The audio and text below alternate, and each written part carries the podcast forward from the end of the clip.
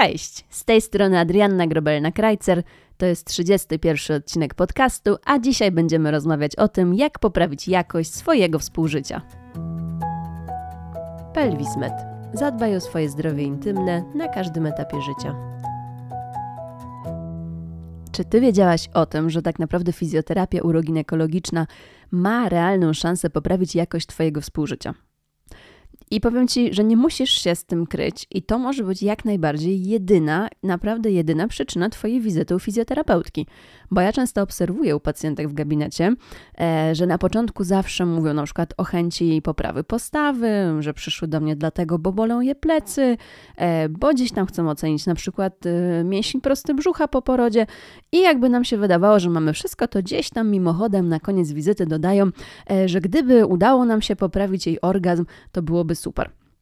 No więc, drogie panie, y, pozwalam sobie na taki zwrot, bo jest, no jest po prostu więcej. Przestańmy się krępować i zacznijmy działać. Na wstępie musimy sobie wyjaśnić, y, co tak właściwie wpływa na ten nasz dobry seks. Oraz fakt, że nie dla każdego ten orgazm jest nadrzędnym wyznacznikiem. Część kobiet naprawdę będzie usatysfakcjonowana seksualnie bez osiągnięcia orgazmu w trakcie współżycia, i to też trzeba pamiętać, i to też trzeba mieć y, na uwadze.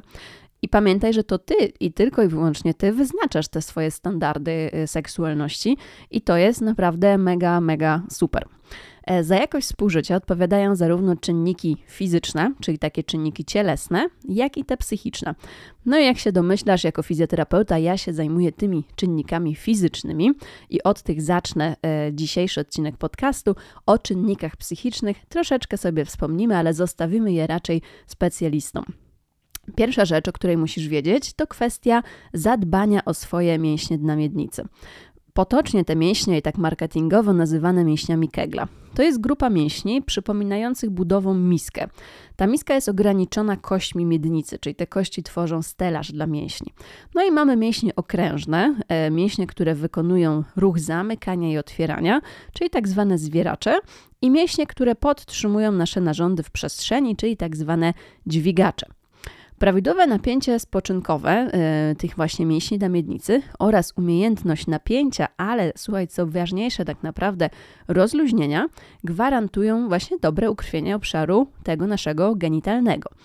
Jeśli po osiągnięciu orgazmu odczuwasz pulsowanie i napinanie się czegoś w kroczu, pewnie kojarzycie to wrażenie, to właśnie to są mięśnie na miednicy.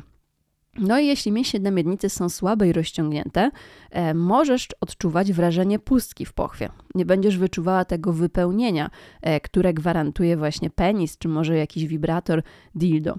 W takim przypadku my, jako fizjoterapeuci z pacjentem, pracujemy nad zwiększeniem masy mięśni na miednicy. Wydaje się proste, nie? Mięśnie są słabe, zwiększamy masę, odczuwasz większe wypełnienie w pochwie. No ale może się też okazać, że stoisz akurat po drugiej stronie tego frontu i twoje dno miednicy jest za bardzo napięte i zaciśnięte. W tym przypadku wejście do pochwy się zamyka i możesz odczuwać ból w trakcie penetracji, czy właśnie wprowadzeniu penisa do pochwy. To może być dla ciebie utrudnione. E, tutaj, w tym konkretnym wypadku, musimy pracować właśnie nad relaksacją mięśni, czyli zobacz, my nie będziemy ich napinać, ale rozluźniać. Trening, zwróć uwagę, musi być uszyty na miarę i wspierać Twoje ewentualne braki, tak, jakieś niedoskonałości mięśniowe. E, no i oceną mięśni na miednicy, mam nadzieję, że już wiesz, zajmuje się fizjoterapeuta uroginekologiczny podczas badania przez pochwę. Teraz ważne, też zaznaczę, e, że seks nie powinien być wykonywany ze świadomym napinaniem mięśni, czy też takim pulsowaniem, tak, tymi mięśniami. Nie wiem, czy kojarzysz taką sytuację. To nie jest dobry pomysł. No, wiele kobiet próbuje jakby zwiększyć te swoje wrażenia seksualne, fizycznie napinając mięśnie w trakcie penetracji. No ale takie permanentne napinanie mięśni, e, one są zmęczone, one są niedokrwione i nie pozwalają właśnie na prawidłowy przepływ krwi a z krwią musisz wiedzieć, że jest transportowany tlen i inne wszystkie substancje odżywcze, którym Twoim mięśniom zapewniają prawidłowe funkcjonowanie. No i teraz, jeżeli mamy taki niedożywiony, niedotleniony mięsień, to bardzo nam utrudni osiągnięcie orgazmu, czyli przeciwnie niż by nam się wydawało, nie? Pamiętaj, że w trakcie seksu musisz starać się mięśnie rozluźniać, e, a one same będą się napinały w momencie właśnie szczytowania. Natomiast to napinanie się jest reakcją niezależną od naszej woli. Kolejnym aspektem, e, myślę, który musimy tutaj poruszyć, który bym bardzo chciała, żebyś zrozumiała, jest kwestia nawilżenia pochwy. W momencie, kiedy jesteśmy podniecone, dochodzi do reakcji naszych genitaliów. Narządy płciowe są w tym momencie obrzęknięte, takie troszeczkę właśnie rozpulchnione, łechtaczka jest bardziej wypełniona krwią, a po chwie pojawia się niezbędny śluz. Dlatego właśnie w momencie podniecenia e, czujesz, że w pochwie robi się po prostu mokro, nie? To jest ten śluz. Ale no właśnie, co jeśli do tego podniecenia nie dochodzi i ty tak czy siak w tym czasie podejmujesz aktywność seksualną? No i w takiej sytuacji będziesz odczuwała suchość pochwy. Suchość jest bardzo niekorzystna, daje tarcie i daje wrażenie po prostu bólu. Ból, jak się domyślasz, będzie zniechęcał cię przed kolejnym seksem, tak? No bo dlaczego masz współżyć, jeżeli to współżycie jest dla ciebie powiązane z bólem? No i wiele kobiet w tym momencie będzie tej aktywności seksualnej po prostu unikać. My to nazywamy i w fizjoterapii, myślę, że w psychologii pewnie również, e, błędnym kołem aktywności seksualnej. Czyli jeśli ty się zdecydujesz współżyć pomimo suchości, kolejna e, porcja bólu, którą dostarczasz do organizmu, jeszcze bardziej pogłębi tak naprawdę niechęć i reakcję obronną e, i znowu zniechęci cię do tego współżycia. No ale dobra wiadomość jest taka, że z nawilżeniem możesz jak najbardziej pracować, a wręcz ja zawsze zachęcam swoje pacjentki, żeby, ja nalegam, żeby z tym nawilżeniem tak naprawdę pracować, bo to może niesamowicie odwrócić naprawdę jakość współżycia. No i tutaj co mamy na myśli, jeżeli mówimy o nawilżeniu? E, możesz zacząć stosować lubrykanty albo nawilżacze. No i teraz lubrykanty ogólnie zwiększają poślizg przy stosunku. E, nawilżacze, no tak jak sama nazwa mówi, dodatkowo nawilżają. Ich działanie jest troszeczkę tych nawilżaczy podobne do kremu do twarzy. E, no i aktualnie mamy ogromny wybór lubrykantów, ogromny wybór tych nawilżaczy. E, co ja mogę powiedzieć od siebie, to szukaj tych z krótkim, po prostu naturalnym składem. Unikaj jakichś takich produktów e, smakowych, tak, słodkich, mocno intensywnie zapachowych. To nie jest dobre dla Twojej pochwy. Do pielęgnacji też warto wprowadzić kwas hialuronowy. E, kwas zwiększa elastyczność i sprężystość pochwy, no i tym samym będzie zmniejszał też jej suchość. W domowym takim stosowaniu może być podany w formie żelu, może być podany w formie kremu albo globulek dopochwowych. To jest preparat dostępny bez recepty, więc bez problemu kupisz go w aptece. Nie będę teraz nazw takich handlowych podawać, bo ich jest również sporo. E, nieraz i w takich sieciówkach drogeryjnych nawet go znajdziesz. Ginekolog natomiast może zaproponować Ci ostrzykiwanie kwasem hialuronowym albo już taką troszeczkę bardziej za zaawansowany zabieg mezoterapię pochwy. E, aktualnie stosuje się również zabiegi ostrzykiwania własnymi, czyli Twoimi komórkami tłuszczowymi albo soczem bogatopłytkowym. I to też przynosi świetne efekty pracy, ale tutaj, jeżeli chcesz skorzystać z takich zabiegów, no to już polecam odnaleźć w swojej okolicy e, ginekologa, który się zajmuje medycyną estetyczną. Jeśli te wszystkie powyższe metody nie działają, no to warto pochylić się też nad preparatami hormonalnymi. E, powszechnie stosowany estriol, e, również w formie klemu lub gobulek, w szybki sposób poprawia kondycję i suchość pochwy, natomiast estriol jest preparatem już dostępnym na receptę, więc tutaj znowu prośba do ginekologa. Możesz też spróbować zabiegów fizykalnych, no i ich celem również jest poprawa napięcia tkanek pochwy. No i przykładem takiego zabiegu, który dość fajnie regeneruje śluzówkę pochwy, może być zabieg Indiba, natomiast zwróć uwagę, powinien być właśnie wykonany przez pochwowo, tak? bo Indiba robiona przez brzuch nie będzie miała już takiego e, spektakularnego działania. Jeśli chcesz poprawić jakość swojego seksu, to jest kolejna rada, uwaga, to zacznij się ruszać.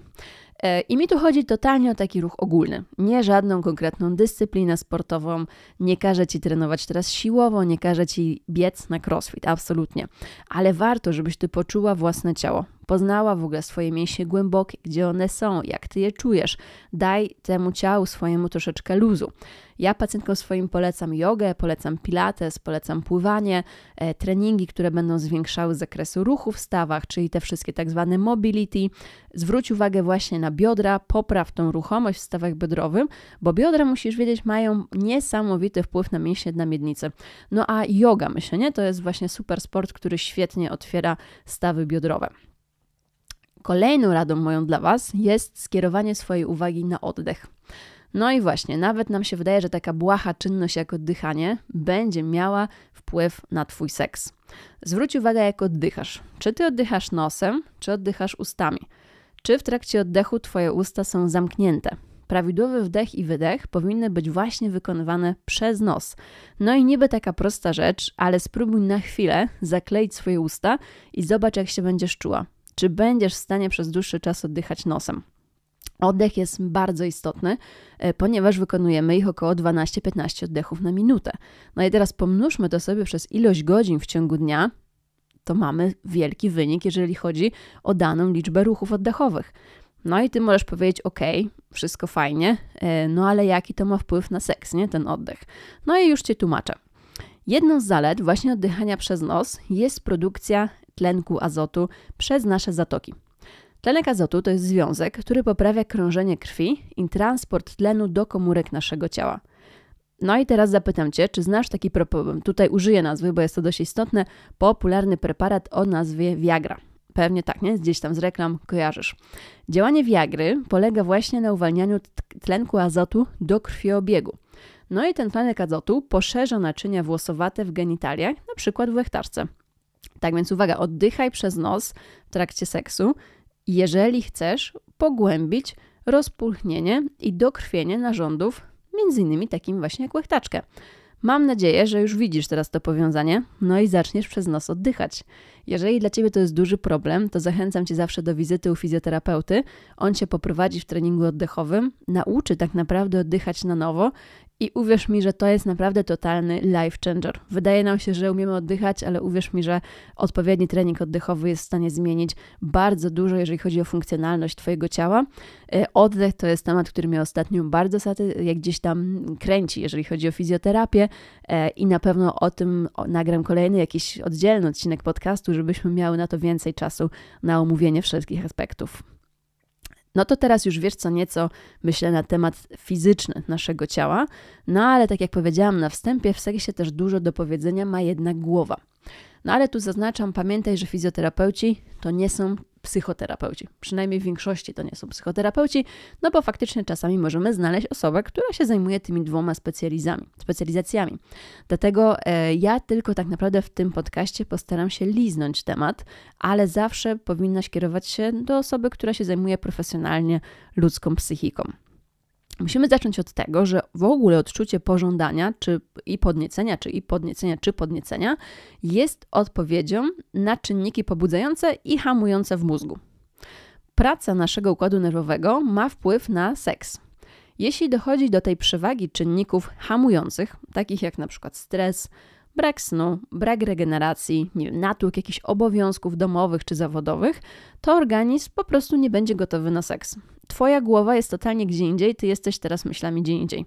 Nie dojdzie do pobudzenia krążenia, twoje organy nie będą stymulowane, no a w pochwie nie pojawia się nawilżenie. Koniecznie musisz właśnie zadbać o ten balans między czynnikami pobudzającymi a hamującymi. No i teraz widzisz, nie, jak to jest, jeśli, jeśli jesteś młodą mamą, to pewnie teraz już domyślasz się, skąd tak naprawdę brak ochoty na seks, nie? Ciągłe zmęczenie robi swoje, czyli te czynniki hamujące są właśnie tutaj w przewadze. Tak naprawdę najważniejszym organem seksualnym jest mózg. Wydać się mogło taczka, nie dla kobiety, ale okazuje się, że mózg. Kobieta potrzebuje dużo więcej czasu, żeby się podniecić niż mężczyzna. To myślę, że większość z nas wie. Twój mózg musi przetrawić w ogóle tą stymulację, jaką będzie na przykład właśnie e, drażnienie łechtaczki, no i zastanowić się, czy warto w ogóle wysyłać informacje do Twojego ciała o pobudzeniu jej gotowości do seksu. No i ta reakcja właśnie trwa tyle czasu. I oczywiście, że nie u wszystkich, bo też będą kobiety, które y, dochodzą do podniecenia do tego pożądania chwila, moment, e, ale ja zawsze mówię, że trafne jest tu porównanie kobiety do piekarnika, który musi się po prostu nagrzać i mężczyzny do mikrofalówki, nie? która jest gotowa do działania od razu. To tak żartem, ale faktycznie jest to dość obrazowe. No a słuchajcie, już nawet w Kamasutrze, czyli dawno, dawno temu, pisali, że joni, czyli to jest ich indyjskie określenie na żeńskie organy płciowe, czyli to joni potrzebuje około 20 minut, żeby się otworzyć. To już wtedy wiedzieli, nie? Dlatego tutaj ważna informacja, warto wydłużyć grę wstępną. No i tak już słowem e, na zakończenie, myślę, że o seksie można by jeszcze wiele powiedzieć Ja to pewnie zrobię w kolejnych podcastach, bo uważam, że znajomość fizjologii ludzkiej i tego, jak nasze ciało działa, jak pracuje, jak funkcjonuje, jak reaguje na różne czynniki, w znacznym stopniu może poprawić jakość życia erotycznego. I zwróć uwagę, że tutaj w tych punktach, o których dzisiaj mówiłyśmy, w niewielu tak naprawdę punktach musi pomóc Ci fizjoterapeuta. Ty jesteś w stanie wpłynąć na swój oddech, jesteś w stanie wpłynąć na nawilżenie. Możesz nawet zacząć aktualnie pracować już ze swoimi mięśniami dna miednicy, wprowadzać ćwiczenia zwiększające zakres w stawach biodrowych. Pomyśleć troszeczkę o rozluźnieniu swojego ciała, o zmniejszeniu gdzieś tam natężenia tych czynników hamujących. Zobacz, ile możesz zrobić sama, żeby naprawdę poprawić jakość tego swojego współżycia. I tyle na dzisiaj, moi drodzy.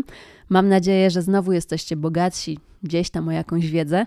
E, jeżeli ten odcinek podcastu był dla Was wartościowy, mam nadzieję, że tak, to podzielcie się proszę z innymi osobami, udostępnijcie go na swoich socialach.